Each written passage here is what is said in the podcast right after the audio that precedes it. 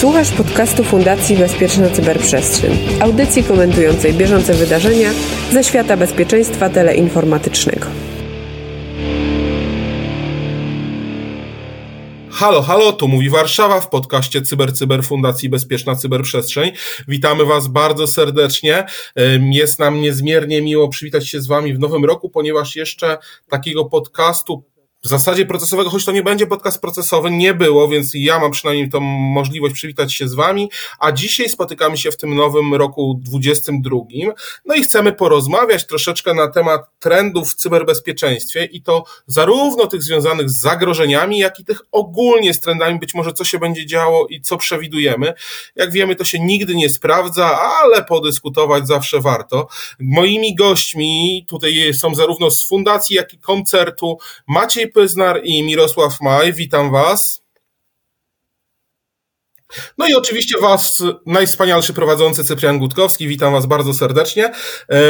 Fundacja Bezpieczna Cyberprzestrzeń miała w swojej historii mm, takie ciekawe etapy, gdzie publikowała właśnie raport na tym, co może się wydarzyć w przyszłym roku, jakie będą trendy. I to było, odbywało się na zasadzie głosowania eksperckiego. W tym roku nie ma takiego głosowania eksperckiego, ale skoro mam tak dwóch wybitnych ekspertów w studio, no to powiedzcie mi troszeczkę o tym, co sądzicie, jak to będzie wyglądało w tym nowym, nadchodzącym już praktycznie po miesiącu roku. No i też może trochę tej historii tego głosowania, Mirku, się powie, skąd to się wzięło i jakie to miało, czy to rzeczywiście było nie niesprawdzalne, czy jednak e, te przewidywania ekspertów, z których korzystała fundacja, się sprawdzały? No wiem, że nie możesz powiedzieć inaczej, że się nie sprawdzały, no ale oddaję Ci głos, Mirku, proszę bardzo. My na wszelki wypadek nigdy nie sprawdzaliśmy, czy się sprawdzały, o, tak bym odpowiedział. A tak na, na, też, też dlatego, że trochę traktowaliśmy to i myślę, że w ogóle ten temat e, jednak trochę trzeba traktować jako taka kreatywna zabawa, e, uświadamiająca zabawa e, na temat tego, E, co tak naprawdę jest ważne w danej chwili, dlatego że ja kiedyś nawet troszeczkę porobiłem takich badań na ten temat i wychodziło, że w przeszłości to właściwie nie było takich przypadków, żebyśmy my to, co uważaliśmy w cyberbezpieczeństwie za kluczowe, takie, takie krytyczne sytuacje, które wystąpiły, żebyśmy my potrafili jako ek, grono eksperckie, nie mówię tutaj o fundacyjnym, tylko w ogóle świat ekspertów od cyberbezpieczeństwa e, przewidzieć wcześniej. Żadne Stuxnety, żadne wcześniejsze największe e, wormy i nowe, i nowe jakby takie kluczowe nowe zagrożenia, właściwie to uczciwie trzeba powiedzieć, że nigdy nie były sprawnie przewidziane przez e, grono eksperckie. Były trend inny, ja przez lata obserwowałem w szczególności w pierwszej dekadzie tego wieku taki trend, że co roku E, strasznie straszono, o tak, tak powiem, masło maślane, e, strasznie straszono tym, że właśnie nadchodzą mobilne zagrożenia, które dzisiaj oczywiście są. Wiemy, jak bardzo są niebezpieczne. Natomiast prawda jest też taka, że przez wiele lat ich właściwie nie było, ale, ale cały czas mówiono o tym, że e, będą. No i wreszcie to E, trochę na takiej zasadzie, jak ciągle można powtarzać, że ten rzut karny to już na pewno obroni, no i wreszcie obronił, tak? Czyli wreszcie te mobilne e, są. Ta zabawa, która była w fundacji, ona z jednej strony była zabawą, ale z drugiej strony myślę, że to był jeden z takich nielicznych materiałów, gdzie dość konkretne dane były na temat poszczególnych Y, zagrożeń i opinie y, ekspertów, kilkudziesięciu nawet na temat prawdopodobieństwa i tego, jak one będą groźne, jeżeli się zmaterializują.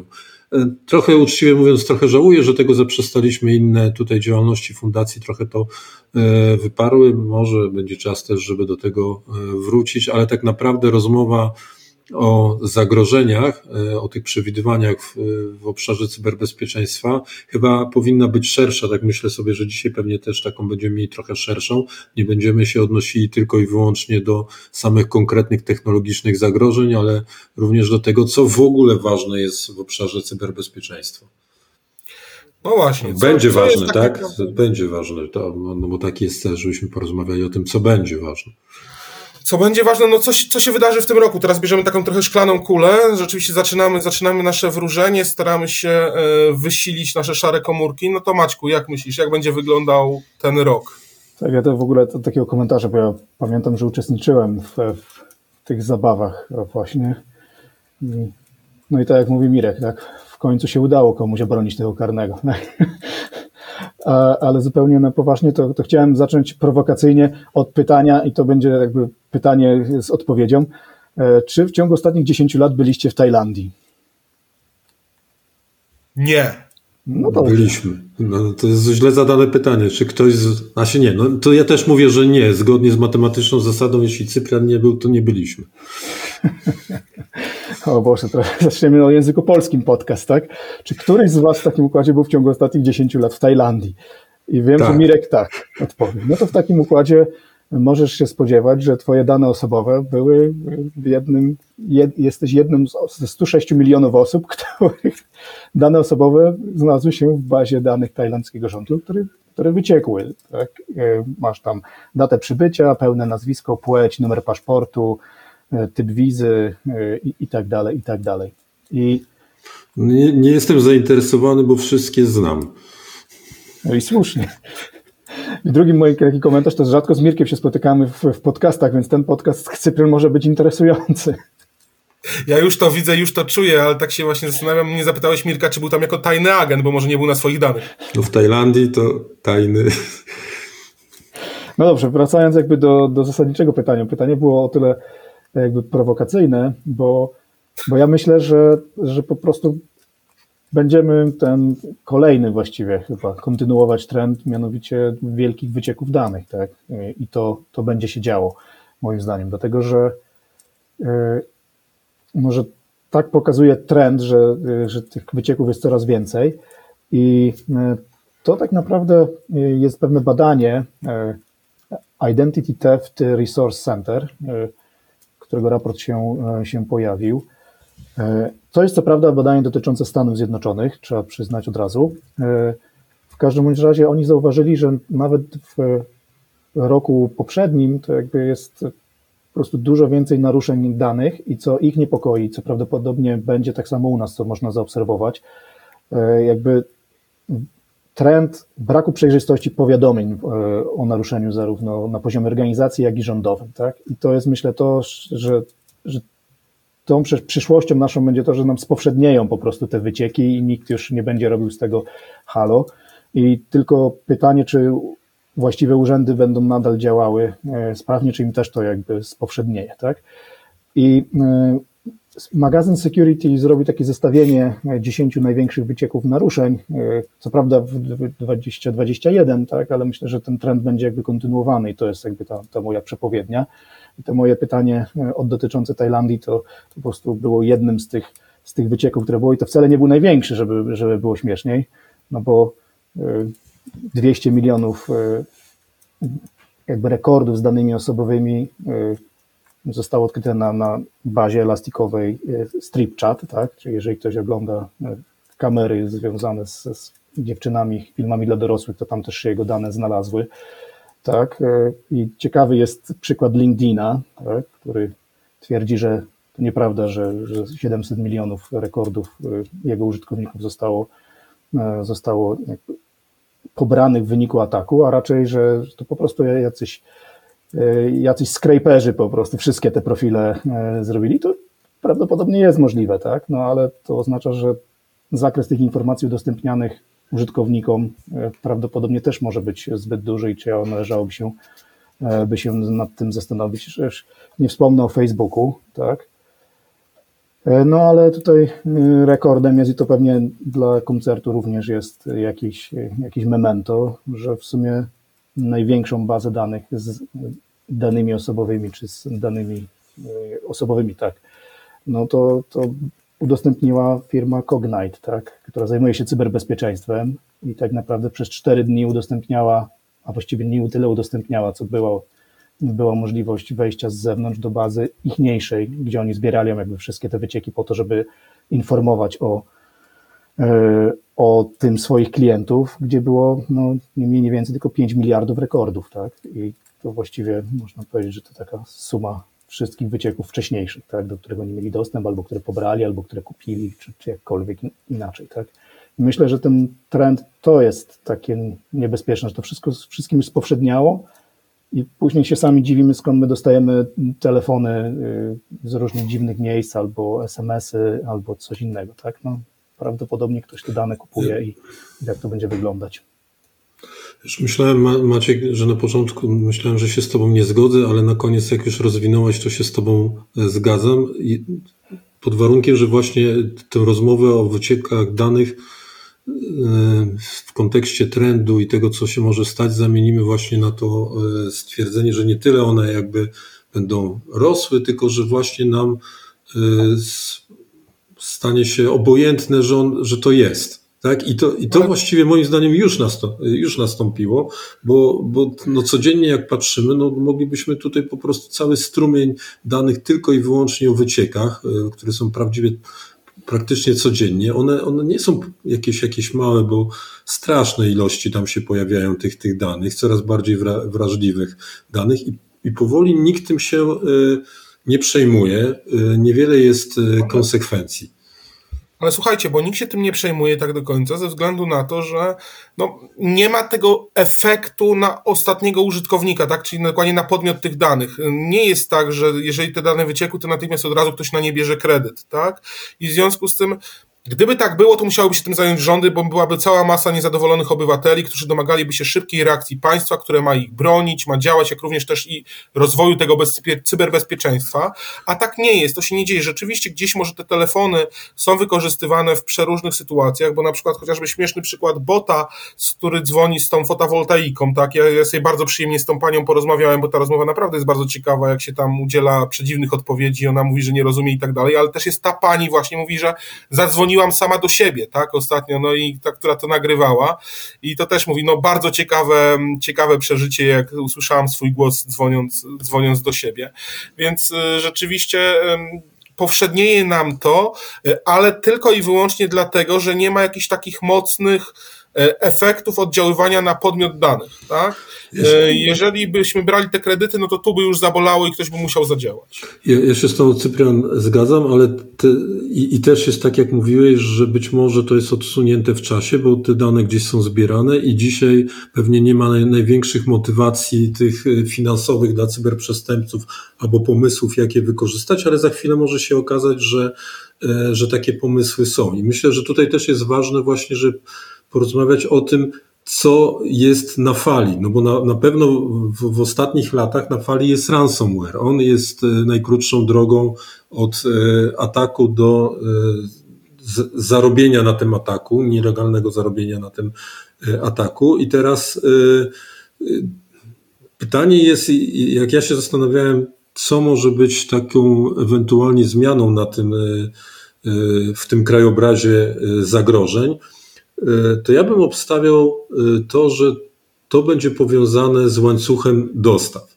Dlatego, że no oczywiście łańcuch dostaw to już jest też termin, który od kilku lat co najmniej mocno istnieje, funkcjonuje z punktu widzenia bezpieczeństwa i zagrożeń, ale wydaje mi się, że w momencie, kiedy w czasach pandemii my mamy do czynienia ciągle e, z rozmową na temat kryzysu w tym obszarze, tak, łańcucha dostaw, bo nam brakuje do takich produktów, do produkcji samochodów, do produkcji komputerów, do czegoś tam, w ogóle sprowadzania sprzętu, to za chwilę może się okazać, że tym najbardziej intratnym zajęciem dla cyberprzestępców jest takie skuteczne, całościowe, quasi metodyczne, bo nie chciałbym używać stwierdzeń, które uważamy za dojrzałe w, w obszarze do cyberprzestępczości. Takie, takie quasi metodyczne podejście do tego i zaatakowanie całych e, łańcuchów dostaw i może się okazać, że wtedy dopiero je zaczniemy rozumieć. Tak? Jeżeli zaczniemy wykrywać, e, dlaczego tak naprawdę nastąpiło e, jakieś poważne zagrożenie naszej organizacji, mimo tego, że nie wiem, nasze systemy na przykład tego wprost nie wykryły, no bo one są nastawione na nielegalny dostęp do naszej przestrzeni, naszej infrastruktury, a okazuje się, że ten legalny dostęp y, był y, powiązany właśnie z takimi zagrożeniami, bo te, oczywiście te łańcuchy dostaw my rozumiemy tutaj w obszarze pandemii jako takie produktowe, tak, że zabraknie tam, nie wiem, jakichś produktów czy coś, ale one tak naprawdę gdzieś z tyłu są wspierane cały czas przez systemy teleinformatyczne, no bo tak po prostu dzisiaj jest i one po prostu no za chwilę nam się przełożą na, na różne scenariusze ata, at, e, ataków. Maciek podnosi rękę, więc Maćku, jak najbardziej oddaję Ci głos. Tak, ja, ja z kolei też myślałem, że Mirek powie o czymś innym trochę, ale bo, bo tak się zastanawiałem, mówiłeś o tym ransomware'ze, a jakby trend jest teraz taki, że tak by można było powiązać te masowe wycieki właśnie na przykład z atakowaniem masowym pojedynczych obywateli, tak? No skoro mam tam 700 milionów e, maili, to właściwie każdemu mogę wysłać e, mail phishingowy, no i nawet jeżeli ta skuteczność jest, e, jest niska, no to ktoś się tam załapie, tak? Ale, ale okazuje się, że teraz jednak chyba przestępcy jakby zrezygnowali z tego i atakują jakby selektywnie wybrane organizacje, które mogą zapłacić, tak? I być może właśnie w kontekście tego, co powiedziałeś odnośnie łańcucha dostaw, może to być skuteczne. No wiadomo jest, że jakby obserwowany jest trend, że, że jakby jest to podwójne oddziaływanie, czyli najpierw, że tak powiem, wyciekamy te dane, wykradamy je, a później dopiero szyfrujemy, żeby, żeby ktoś nam zapłacił i, wzmagamy presję. Ale mm, coś, co e, zaobserwowano i myślę, że, że będzie teraz jakby kontynuowane, to tak mówiłeś o tych przestępcach jako o ich dojrzałości, tak? Więc ja też nie, nie lubię w ogóle o nich mówić w ten sposób, bo, bo są kanalie po prostu i tyle. Ale yy, no, można zaobserwować taki trend crime as a service po prostu, tak? I w ramach tego, tego serwisu masz yy, na przykład takie rzeczy jak nie wiem, malware as a service, ransomware as a service. I uwaga, pierwszy raz się właściwie z tym spotkałem, ale ten access as a service, tak? Czyli ktoś już u kogoś jest i, i sprzedaje po prostu dostęp tak, do, do tego kogoś, komuś, kto jest bardziej lub mniej zainteresowany w, w pozyskaniu tej informacji, niech sobie to sam zrobi, za przeproszeniem. Nie? Ale to wiesz, to takie ja uważam właśnie, ja uważam właśnie jedno zdanie, tylko do, to, uważam właśnie, że będzie supply chain attack as a service. Po prostu, że to będzie na, na, na fali jakby popularności jakby tego terminu raz, no bo to nieraz też tak bywa, taki marketing od, oddziaływuje również na, na, różne, na różne trendy. No i rzeczywistego jakby y, potencjalnych wektorów ataków i dużej powierzchni, trudnej do opanowania, w szczególności jeszcze przy pracy domowej, zdalnej i tak dalej, dużej tak zwanej powierzchni ataku, że po prostu po, po, będzie to na tyle zainteresowanie ze strony przestępców, że powstanie właśnie taka usługa dedykowana do zaatakowania łańcucha dostaw. Rzeczywiście tak jest, natomiast ten Access as a Service, ja się z tą zgadzam, że może go nie ma na wybrane przez ciebie osoby, tak, że rzeczywiście to tak nie działa, natomiast no jak najbardziej przecież są te karty, z których przestępcy nie korzystają, są te dane kart, które oni sprzedają i to są dane które jak najbardziej są aktualne i, i a sami nie pobierają salt, nie, nie dotykają, tak, tylko sprzedają to komuś, żeby ktoś z tym zrobił jakiś pożytek i to już jest od wielu lat. Natomiast rzeczywiście też mi przychodzi do głowy, co wy myślicie na temat tego, jak będzie wyglądała taka sytuacja, mm, jeśli chodzi o zagrożenie właśnie już działaniami zbrojnymi w cyberprzestrzeni tak naprawdę, czyli rzeczywiście jakimiś zorganizowanymi działaniami grup sponsorowanych przez państwo, gdzie mamy tego E, aktorem jest rzeczywiście jakieś, jakieś państwo.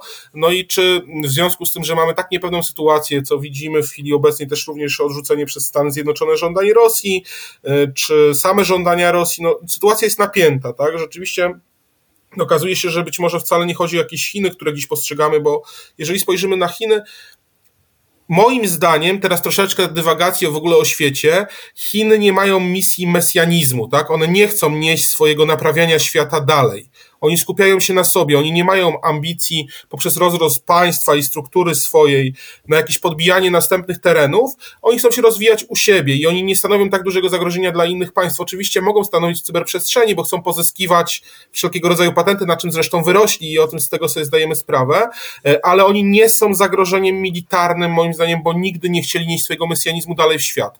Natomiast e, inne kraje już takie nie są i stąd pytanie, czy boimy się tego, że rzeczywiście moi że o ile wojna konwencjonalna jest ciężka, to ta w cyberprzestrzeni będzie coraz silniejsza e, i jak może oddziaływać właśnie, może te ransomware, czy jeszcze coś innego, jak, jak to widzicie? Nie wiem, który z Was chce pierwszy się do tego odnieść. Ja się mogę, ja się mogę odnieść i powiedzieć o, o, o, o trzech rzeczach. Pierwsze to być może kontrowersyjna e, teza, ale ja, mimo tego, że to nie nakręca jakby trochę zainteresowania naszą branżą, ale powiem paradoksalnie uważam, że wzrost zagrożeń o charakterze kinetycznym tak naprawdę może sprawić, że te związane z zagrożeniami e, cyber, takimi bardzo kryty, krytycznymi, wcale e, nie, nie staną się dominujące. Dlaczego? No, dlatego, że je się stosuje w momencie, kiedy są potrzebne remote hands, tak? A w momencie, kiedy już nie, nie musisz mieć remote hands, bo służby danego państwa wchodzą bez, bezpośrednio do serwerowni i ją przejmują, na przykład, no to po co po prostu ją atakować zdalnie, bo zaczyna się atakować zdalnie swoje zasoby. I, i, I w tych krytycznych sprawach może tak być, że jeżeli chcesz przejąć coś, no to nie ma sensu tego niszczyć, tak, prawda? W, w jakiś sposób możesz zakłócić, więc moim zdaniem to się bardziej przełoży na ewentualne działania związane z tymi miękka, miękkimi zagrożeniami, taki, które nieraz nazywamy na przykład dezinformacją, prawda? To, to coś takiego może być. Już widzę, Maciek, że się wyrywasz. Tak, Maciek, Maciek się nie zgadza, Maciek, powiedziałem, jak, jak powiedziałem, że niszczył. O trzech rzeczach e, mam powiedzieć i bardzo szybko powiem. O pierwszej już powiedziałem. Drugie to e, moim zdaniem nie będziemy, drugie i trzecie chyba razem. My coraz mniej będziemy wiedzieli, tak jak były takie, e, takie fazy, jeżeli chodzi o tak zwany y, problem atrybucji w obszarze działań państw. Na porządku było, a wszyscy wykrywali, gdzie ta klawiatura, z jakiej klawiatury, a tam cyrylica, na pewno to zrobili tam, a kompilowany kod był w strefie czasowej Moskwy, tak? I wszyscy po prostu się bawili tymi rzeczami, usta próbując ustalić, z jakiego kraju był ten atak. Później to była pierwsza faza. Druga faza to ci atakujący przestali się tym przejmować. Tak? I, I, no i po prostu otwarcie to robili, nieraz nawet właściwie nie, nie zaprzeczali, to było wiadomo, że to robią ci, to, tam to robią e, tamci. E, I teraz moim zdaniem jest duże prawdopodobieństwo trzeciej fazy, że pewne e, coraz bardziej zaawansowane technologie i nie wykluczałbym tutaj po stronie agresorów, ale nie obrońców, możliwość coraz szerszego wykorzystania E, AI i ML sprawią, że y, trudności w ustaleniu tej, tej atrybucji będą coraz większe. I znowuż nie będziemy tak naprawdę wiedzieli, że to będzie dobrze ukryte, kto, kto co zrobił, a y, to będzie ściśle jeszcze powiązane, jak już to, to ta druga i trzecia rzecz powiązana z tym, że z drugiej strony będzie jednak wyścig po stronie prób ustalenia tego i powiem Wam, kto ten wyścig głównie napędzi. Napędzi go, napędzą go firmy ubezpieczeniowe, dlatego że one już wymyśliły sobie model niepłacenia za cyber insurance. Co prawda u nas ten, ten problem za bardzo nie, nie, nie istnieje, bo tych ubezpieczeń jeszcze dużo nie ma, chociaż jest więcej niż większość myśli, ale te firmy sobie wymyśliły, że jeżeli jest e, stan wojny albo, albo jakiś atak jest e, e, zdefiniowany jako atak o charakterze e, powiązanym z tak zwaną cyberwojną, tak cokolwiek to znaczy, to one po prostu nie płacą.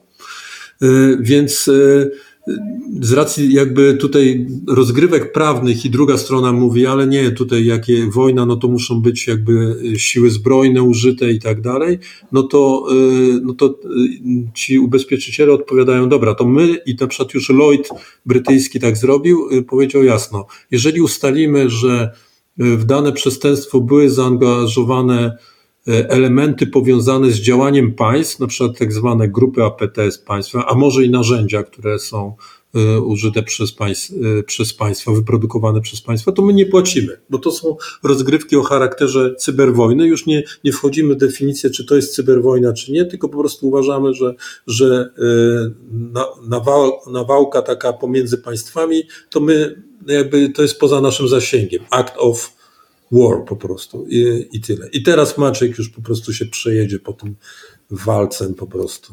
Nie, nie, nie przejadę się. Raczej moja konstatacja jest taka, że, że zbyt kulturalnie prowadzimy tę, tę rozmowę i jakby nie ma dynamiki takiej, żeby sobie przerywać, coś się pokłócić, aż pewnie będzie to nudno słuchać. E, nie, nie, nie chciałem się przejechać, chciałem raczej e, dopowiedzieć do, do tego, że e, to pewnie dlatego te narzędzia cybernetyczne nie są wykorzystywane, dlatego że jakby nie mają tej mocy politycznej, co, co pokazanie czołgów, które jadą, no bo przecież no, co, co pokażesz, tak? I, I te narzędzia y, jakby są zawsze wykorzystywane w kontekście politycznym i myślę, że paradoksalnie może właśnie tak jak powiedziałeś, tak, że, że nie ma tych ataków, no bo właśnie jeżdżą tam czołgi, mają wystarczającą moc polityczną, tak, no bo to łatwiej sfilmować, łatwiej pokazać i tak dalej. Mimo, że potencjalny atak teleinformatyczny na infrastrukturę krytyczną mógłby być bardziej dewastujący niż, e, niż cokolwiek innego. I myślę, że po prostu one zostaną wykorzystane, te ataki, tylko Mirek teraz uważaj, bo to jest, połączę to sprytnie z tym, co powiedziałeś o supply chainie, tak? Bo myślę, że te ataki będą przeprowadzone właśnie na, e, na infrastrukturę, która służy jakby supply chainowi, jeśli chodzi o, o, o konflikt gorący, tak? No bo muszą przypłynąć statki, muszą przylecieć samoloty z zaopatrzeniem, e, muszą przejechać i tak dalej, i tak dalej, a nie chciałbyś, jeżeli potencjalny konflikt będzie rozgrywany lokalnie, no jakby atakować tej infrastruktury daleko, mimo że teoretycznie masz takie zdolności, no bo zasięg twoich rakiet przekracza powiedzmy 5000 kilometrów, tak?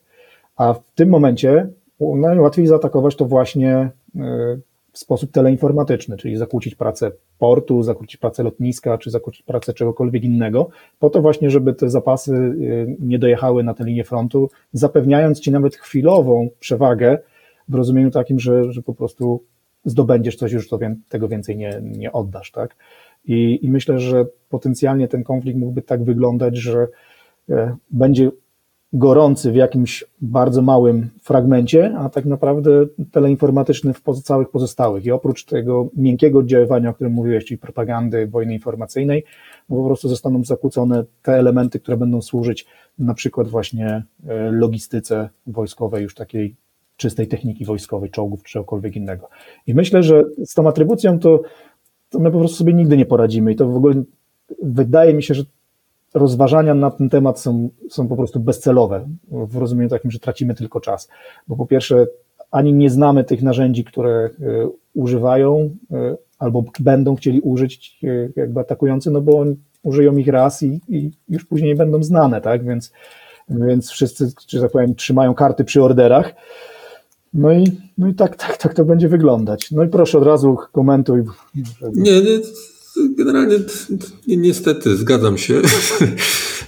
Natomiast tą atrybucją to jest tak, tak jak jedni ją próbują ukrywać, to drudzy, y, w mojej opinii, ci, którzy muszą wiedzieć, muszą wiedzieć, to też próbują ukrywać, że nie wiedzą. I, i, I, po prostu nie mają też często interesu w tym, żeby jasno mówić, bo zwracam uwagę, że nieraz są takie sytuacje, w szczególności Amerykanie, wychodzą i mówią jasno po nazwiskach po prostu po nazwiskach, kto to, kto to zrobił. Przypominam tutaj jakby kwestię na przykład słynnego ataku w czasie, w czasie wyborów, gdzie po prostu Y, ci odpowiedzialni za bezpieczeństwo w Stanach Zjednoczonych wychodzili i mówili, krótko mówiąc, mniej więcej tak, jeszcze raz to zrobicie i, i zobaczycie po prostu, jaka będzie nasza odpowiedź i ona nie będzie banalna, tak? Y, I zwracali się bezpośrednio do, y, do swoich kolegów w Federacji Rosyjskiej, tak? Więc oni po prostu, myślę, że ci, którzy muszą, to oni w większości wiedzą, tak? Natomiast z punktu widzenia prawnego być może nie zawsze mają takie znaczy po prostu nie chcą się bawić z konsekwencjami takich, takich oskarżeń e, formalnych i, i zawężają jakby ten proceder tych oskarżeń formalnych tylko do sytuacji, w której to e, ma przynieść jakiś, jakiś konkretny zysk. Cyprian, czy ja mogę na chwilę Cię wyręczyć?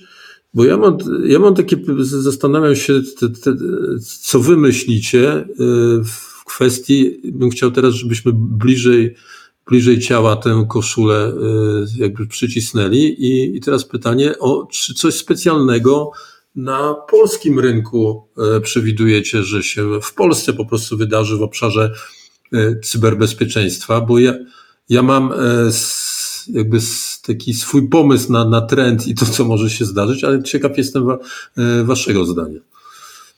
Maczku, chcesz zacząć, czy, czy ja mam tutaj teraz? Nie chcesz zaczynać, dobrze, ja. No to moim zdaniem przede wszystkim pójdziemy chyba w ustawę o krajowym systemie cyberbezpieczeństwa. Przynajmniej mam taką nadzieję, że rzeczywiście jakieś regulacje prawne zostaną mm, podsunięte już do głosowania w Sejmie i żeby to wreszcie zakończyć tę sprawę. Yy, I czy coś jeszcze u nas? Ja nie podejrzewam, żebyśmy mieli jakieś specyficzne mm, problemy, natomiast yy, na pewno też yy, bardzo ciekawą rzecz mówiliście na temat ataków na poszczególnych pojedynczych obywateli. Mi się wydaje, że grupom nie opłaca się tego robić ze względu na to, że mieliby wielki problem zarządzania kluczami tak? To, to jeżeli byśmy mieli atakować miliony poszczególnych obywateli, które byśmy chcieli atakować, to sama kwestia zarządzania kluczami mogłaby być dla nich, dla nich trudna, y, a jednak jeżeli to by był jeden klucz, to już on by się od razu znalazł gdzieś w internecie, nie byłoby z tym problemu. Przepraszam, Cyprian, no ale to, to tutaj... zapraszamy do współpracy z koncertem bo, i zakupienie systemu do zarządzania tożsamością. Okej, okay, okay. Na... Ja myślę, Cyprian, tak, przepraszam, że, że tutaj e, to, o czym Mirek wspomniał, czyli AI i ML z łatwością załatwiają te sprawy, jeśli chodzi o zarządzanie kluczami. No tak, tak ale wiesz, ale to, załatwia wszystko. To, trzeba, to trzeba trochę też zainwestować, a po co, tak? Jeżeli mamy tutaj ale taką nie, Cyprian, właśnie ja myślę, że to jest powiązane znaczy, z... Gdyby AI i ML czegoś nie załatwiały, to jeszcze zostaje kryptografia kwantowa na przykład. Tak, ale chodzi mi o to, że, że moim zdaniem właśnie to załatwia e, usługa crime as a service, tak? Że, że właściwie ci przestępcy no nie, nie, muszą nawet się tym zajmować. To ja widzę taki trend y, na rynku jakby cyberbezpieczeństwa, że coraz więcej jakby zapytujących koncern na przykład o, o usługi, to, to chce to wszystko w modelu usługowym, tak? Czyli właściwie taki przestępca, nawet drobny, jeżeli y, kupi coś, no to właściwie też może sobie zlecić w modelu usługowym to i, znaczy, i no, właściwie tak, może no my też już oficera bezpieczeństwa świadczymy jako usługę na przykład, tak? To też rzeczywiście jest, no, jest do, tak, że dokładnie. I, i, nie, I powiedzieliście, że nic rewolucyjnego, Cyprian w szczególności powiedział, że nic rewolucyjnego tu a macie nie, nie przewiduje, a, a ja, a macie uciekł od tematu, ale tak naprawdę moim zdaniem dalej jesteście w temacie, tylko jeszcze nie wiecie.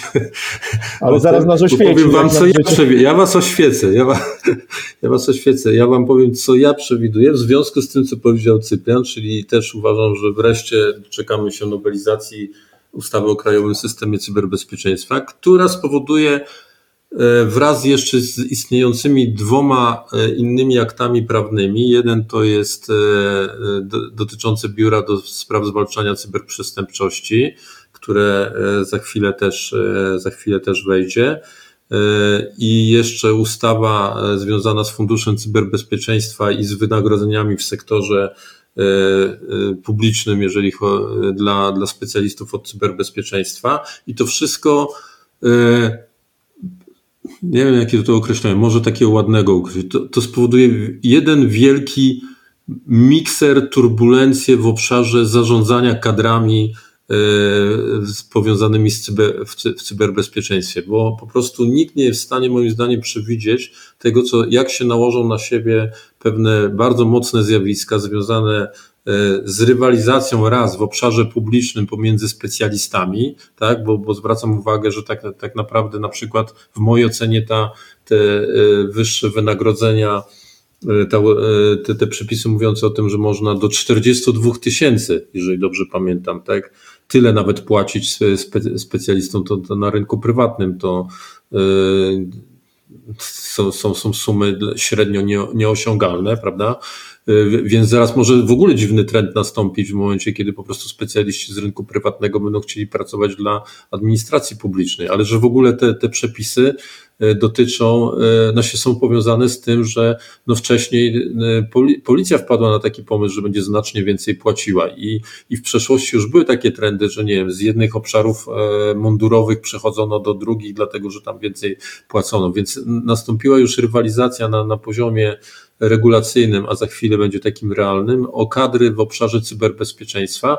I problem tylko moim zdaniem polega na tym, że większość tych, którzy uczestniczą w tej rywalizacji na poziomie zarządczym, e, nie zdają sobie sprawy, że wszyscy najprawdopodobniej będą przegrani, jeżeli inne e, rzeczy nie zostaną uruchomione. Te, o których też zaczęliście wspominać, o tym, jak należy zarządzać usługami, i no jakby kadrami w tym, e, w tym obszarze, na przykład związanymi, że coś as a service, prawda, że nawet jakby człowiek z, zachowaniem pewnego szacunku, że tutaj nie, nie, już nie o usłudze, tylko o człowieku a service, tak? Na przykład ten CISO czy, czy JODA, tak? Czy to będzie musiało po prostu nastąpić. Jeżeli tutaj jakieś nie nastąpią e, takie fundamentalne, metodyczne pomysły z, zaprzęgnięte, no to będziemy mieli duży, duży kłopot, bo po prostu musimy stworzyć za chwilę kilkaset soków w Polsce, jeżeli tak będą i wszyscy myśleli, tak? Bo wejdzie nowelizacja i każdy, o, muszę mieć sok, i jeżeli nie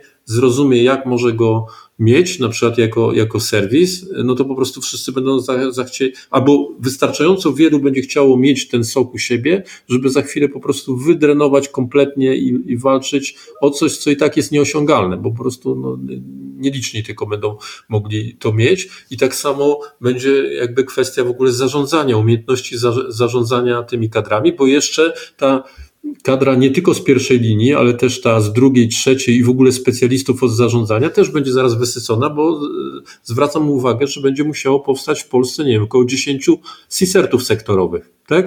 Jeżeli, jeżeli dobrze pamiętam te, te liczby, no to to jest znowuż kilkadziesiąt, raczej nie, no raczej kilkaset osób, prawda, do, do, do, obsługi, do obsługi tego, jeżeli byśmy chcieli taki full service dać, jaki pewnie jest e, potrzebny. Także staff disaster, o tak, to jest moje przewidywanie. Jak wiemy, to rzeczywiście, rzeczywiście jest, będzie z tym wielki problem. No weźmy, jeżeli dodatkowo wyjdzie NIS 2, który wyjdzie i będziemy musieli dostosować się do NIS 2, gdzie na przykład w przetwórstwie spożywczym, w handlu, żywnością będą musiały powstać soki, no to życzę szczęścia, gdzie tych specjalistów znaleźć no tak, tak, naprawdę. To oczywiście to... trochę już wybiegamy poza 22, bo, bo ten NIS no 2 tak, tak, ale, ale no to jest ta, ta ale, ale i ten trend właśnie pokazujący, że skąd ci specjaliści, aczkolwiek no na pewno też będą powstawać specjaliści, którzy specjalistami nie są, czyli to można powiedzieć nawiązać do Heroesów i stwierdzić, że astrologowie przewidują, że populacja ekspertów cyber zwiększa się.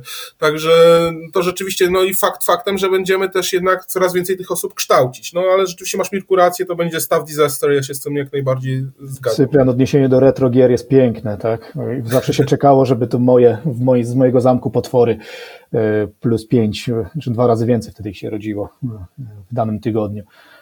E, znaczy ja się z Mirkiem zasadniczo też zgadzam, przy czym myślę, że ten trend to będzie, no właśnie tak, dobrze to powiedziałeś, że to będzie disaster, dlatego że to będzie wahadło, bo być może niektórzy skuszą się tymi wyższymi zarobkami w, potencjalnie w administracji publicznej, po czym szybko wrócą, kiedy zobaczą rzeczywistość tej administracji publicznej i w myśl powiedzenia pieniądze to nie wszystko, to, y, to jakby wrócą, tak, no bo no jak to stabilne zatrudnienie, trzynasta pensja, urlopy, to wiesz, to jest, to jest na takiej zasadzie, ale rzeczywiście to też sobie powiedzmy, że to jest maksymalna pensja, będzie taka wypłacana, tak jest stwierdzona, jaka będzie, tego nie wiadomo, więc rzeczywiście musimy się z tym wstrzymać i zobaczyć, ale naprawdę będzie problem z obsadzeniem wszystkich, jeżeli byśmy, by, by miały powstać te cesirty sektorowe, na powstaną, bo jest to sensowne tak naprawdę, no to skąd brać ludzi, rzeczywiście, jest to, jest to wielkim problemem, a potem zwłaszcza też do mniejszych organizacji, które jednak też potrzebują. Może, może też zabawmy się w takim układzie w astrologów, i, a właściwie nie w astrologów, tylko w, kreatorów biznesu i już należy otwierać szkoły z tym związane, tak? Po prostu. To no i fundacja oczywiście od, od, otworzy taki kierunek. O to jest, ja przewiduję, że w 2022 roku e, Fundacja Bezpieczna Cyberprzestrzeń wraz z jakimś partnerem z obszaru edukacji od, rozpocznie bardzo regularne regularną e, edukację prowadzącą do wzrostu liczby specjalistów, najlepszych specjalistów. To niewątpliwie tak, także słuchajcie, ale jeszcze ja mam jedno przepowiednia się nie, nie spełni. Maciej Pysna w 2022 na pewno nie zrobi doktoratu, więc to, to spokojnie możemy, możemy to, to przewidywanie tutaj dodać. Ja, ja jakby chciałbym jeszcze tylko odnieść się do tej ustawy, bo mm, jakby jest jeszcze jedna ja tak naprawdę myślę o tym, żeby te trendy odwrócić w rozumieniu takim, żeby, żeby pokazać, co zrobić, jakby, żeby ci cyberprzestępcy, że tak powiem, nie, nie rośli, tak? I mam nadzieję, że ustawa tego chyba nie było i być może to jest jakby pole do, od razu do, do poprawy tej ustawy, w, w, żeby dać tym CESIRTom poziomu krajowego, sektorowego tak naprawdę zdolności do tego, żeby, żeby oni no nie powiem, żeby mogli strike back robić, tak, ale żeby mogli aktywnie na przykład y, likwidować infrastrukturę przestępczą, tak. I, i tutaj myślę, że jest potrzebne coś takiego. A co uzbroisz ich w broń? Przepraszam, zaraz nie, przerywam. Nie nie, nie, nie, nie, mam na myśli uzbroić ich w broń, tak, tylko żeby oni mogli pozyskać, no nie wiem, no nie chciałbym powiedzieć nielegalnie, tak, ale żeby pozyskać informacje na temat tej infrastruktury i we współpracy z organami ścigania mogli, mogli skutecznie jakby zamykać tę infrastrukturę. Bo, bo to wydaje mi się jest jakimś problemem, że, że jest tak zwana szara infrastruktura, która, no, która służy cyberprzestępcom i, i ona wymaga jakby wsparcia z, ze strony zarówno tej strony technicznej, żeby dostarczyć jakby tych, tych dowodów, no i później ze strony e, ze strony służb, żeby można było pozamykać. Tak? No, mówimy tutaj, nie wiem, o, o, o tak zwanych kuloodpornych hostowniach, tak, czy... czy, czy Idziesz bardzo daleko, Maćku, już Ci mówię dlaczego. Zwróć uwagę, jakie oburzenie w niektórych środowiskach wzbudziło polecenie zabezpieczające, tak? Polecenie zabezpieczające jest czymś innym, ale to jakby nie chciałbym tego, o tym dyskutować. Jest lżejsze od tego, co mówisz ty. Mm, dobrze, mnie bardziej chodzi o to, że zauważcie ten trend i myślę, że to będzie ten, ten właśnie trend 2020, że, e, że nic nas nie robią kolejne milionowe wycieki, tak, ale nie dajemy żadnych narzędzi tym, którzy teoretycznie mają nas bronić i, i, i chcemy tworzyć ich jeszcze więcej, do tego, żeby oni skutecznie działali. Tak? I, I myślę, że ten trend powinniśmy przełamać o tak w 2022 roku i jeżeli to jest możliwe, to podpowiadać takie, takie rozwiązania, które by były akceptowalne, a z drugiej strony no jakby służyły temu, żeby tych wycieków nie było, tak? Albo zamykać tych, którzy za nimi stoją. I tyle. Bo... Dobrze, to słuchajcie, tak naprawdę zbliżamy się do końca, więc tym optymistycznym akcentem prawie kończymy, bo teraz kwestia, są ważne rzeczy i teraz rzeczy najważniejsze. Tym bardziej, że czeka nas walka z Rosją. Kto trenerem reprezentacji Polski? Bill Gates. E, Bill Gates już e, w 1981 roku przewidział, e, że nigdy nie stworzą 32-bitowego komputera, więc też na pewno wie, jak ograć Rosję. Ach, ty mówisz o tej bitwie z Rosją. Pomyślałem, co to w ogóle za pomysł. rozumiem. No wiesz co, no ja bym wskrzesił któregoś z hetmanów, no. Okej, okay, no dobrze. Rozumiem. Po tamtej stronie, no to, to, my mieliśmy kilku, tak, rzeczywiście. Można by było tę, tę operację nazwać imieniem pana Żółkiewskiego na przykład. Żółkiewski, operacja Żółkiewski. Chodkiewicz, tam, no wiesz, no kilku by się I rozumiem, nie wiecie, nie wiecie, kto zostanie trenerem reprezentacji Polski, no więc tacy z nas eksperci. No ale dobrze, słuchajcie. Yy, czy jeszcze coś chcielibyście od siebie, czy, czy już e, kończymy? Ja Wszystko, co mówiłem, mówiłem od siebie, więc już nie mam nic do dodania. Tak, ja bym tylko dodał, żebyśmy uważali na siebie, e, a przede wszystkim w cyberprzestrzeni. Tak, tak życzymy wszystkim zdrowia w trudnych czasach, tak na poważnie 100%. To prawda, życzymy, życzymy jak najbardziej wszystkim zdrowia i to, to, to najważniejsze. No, dziękujemy, możecie nas słuchać jak najbardziej na naszych stałych kanałach. Ja też obiecuję, że jak zawsze odpowiem wszystkim fankom i fanowi. W związku z tym to możecie być pewni, że przyjdzie taki czas, że dostaniecie maile. Teraz byłem trochę wyłączony, no ale dobrze, nie ma z tym problemu. Słuchajcie nas, jeżeli macie do nas jakieś pytania, piszcie, jesteśmy responsywni, więc jak najbardziej będziemy z wami rozmawiać i tego chcemy. Słuchajcie, dziękuję wam bardzo, no i do zobaczenia w następnym naszym podcaście. Dziękuję, cześć. Słuchasz podcastu Fundacji Bezpieczna Cyberprzestrzeń, audycji komentującej bieżące wydarzenia ze świata bezpieczeństwa teleinformatycznego.